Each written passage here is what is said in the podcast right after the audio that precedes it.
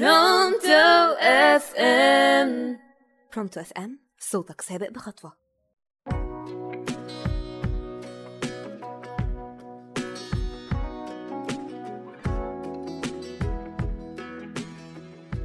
يا صباح الخير أو مساء الخير حسب التوقيت اللي بتسمعوني فيه. معاكم مريم محمد عقر وآخر حلقة من برنامج رسالة النهاردة على راديو Pronto FM مين فينا مش بيمر بظروف صعبة بتوقفه عن إنه يكمل حياته وإنه يمارسها بشكل طبيعي؟ من أكتر الأمور اللي بتأثر على العلاقات وقطع الصلة بين الأشخاص سواء كانت بقى مع الأهل أو الصحاب أو زملاء العمل وهو سوء الظن. لأن الشخص بيبدأ يتخيل ويتوقع كلام وأفعال وظروف ناس من غير ما يتأكد من مصداقيتها. سوء الظن بيدمر كل ما هو جميل. ليه ما نصبرش قبل الحكم على غيرنا ونلتمس ليهم الأعذار إحسان الظن بالناس محتاج منك مجاهدة كبيرة قوي.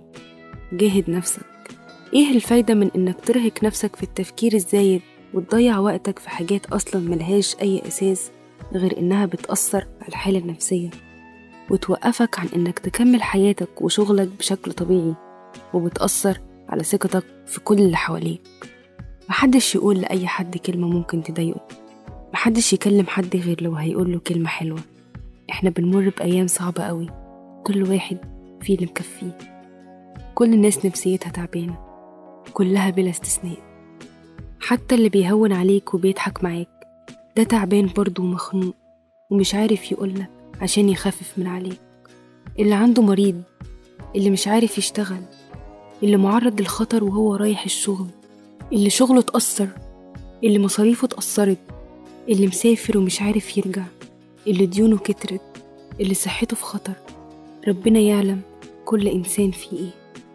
اختصار الموضوع خليك إنسان لأن الجبل لا يحتاج إلى جبل لكن الإنسان يحتاج إلى إنسان. ورسالة النهاردة تذكر دائما أنك لست الوحيد في هذا العالم وليس كل الناس سعداء كما تظن في طريق الحياة. لا تحاول الحكم على الأمور من مظهرها فقط. إنما تعلم أن تنصت جيدا وتفهم ما يقوله الآخرون وبالأحرى ما لا يستطيعون قوله. فمن نلاقيه في الطريق يحمل من الخبرات والألم والأفراح زادت أو قلت عما لديك ومن المؤكد أنك لا تدرك جميع الأمور عنه.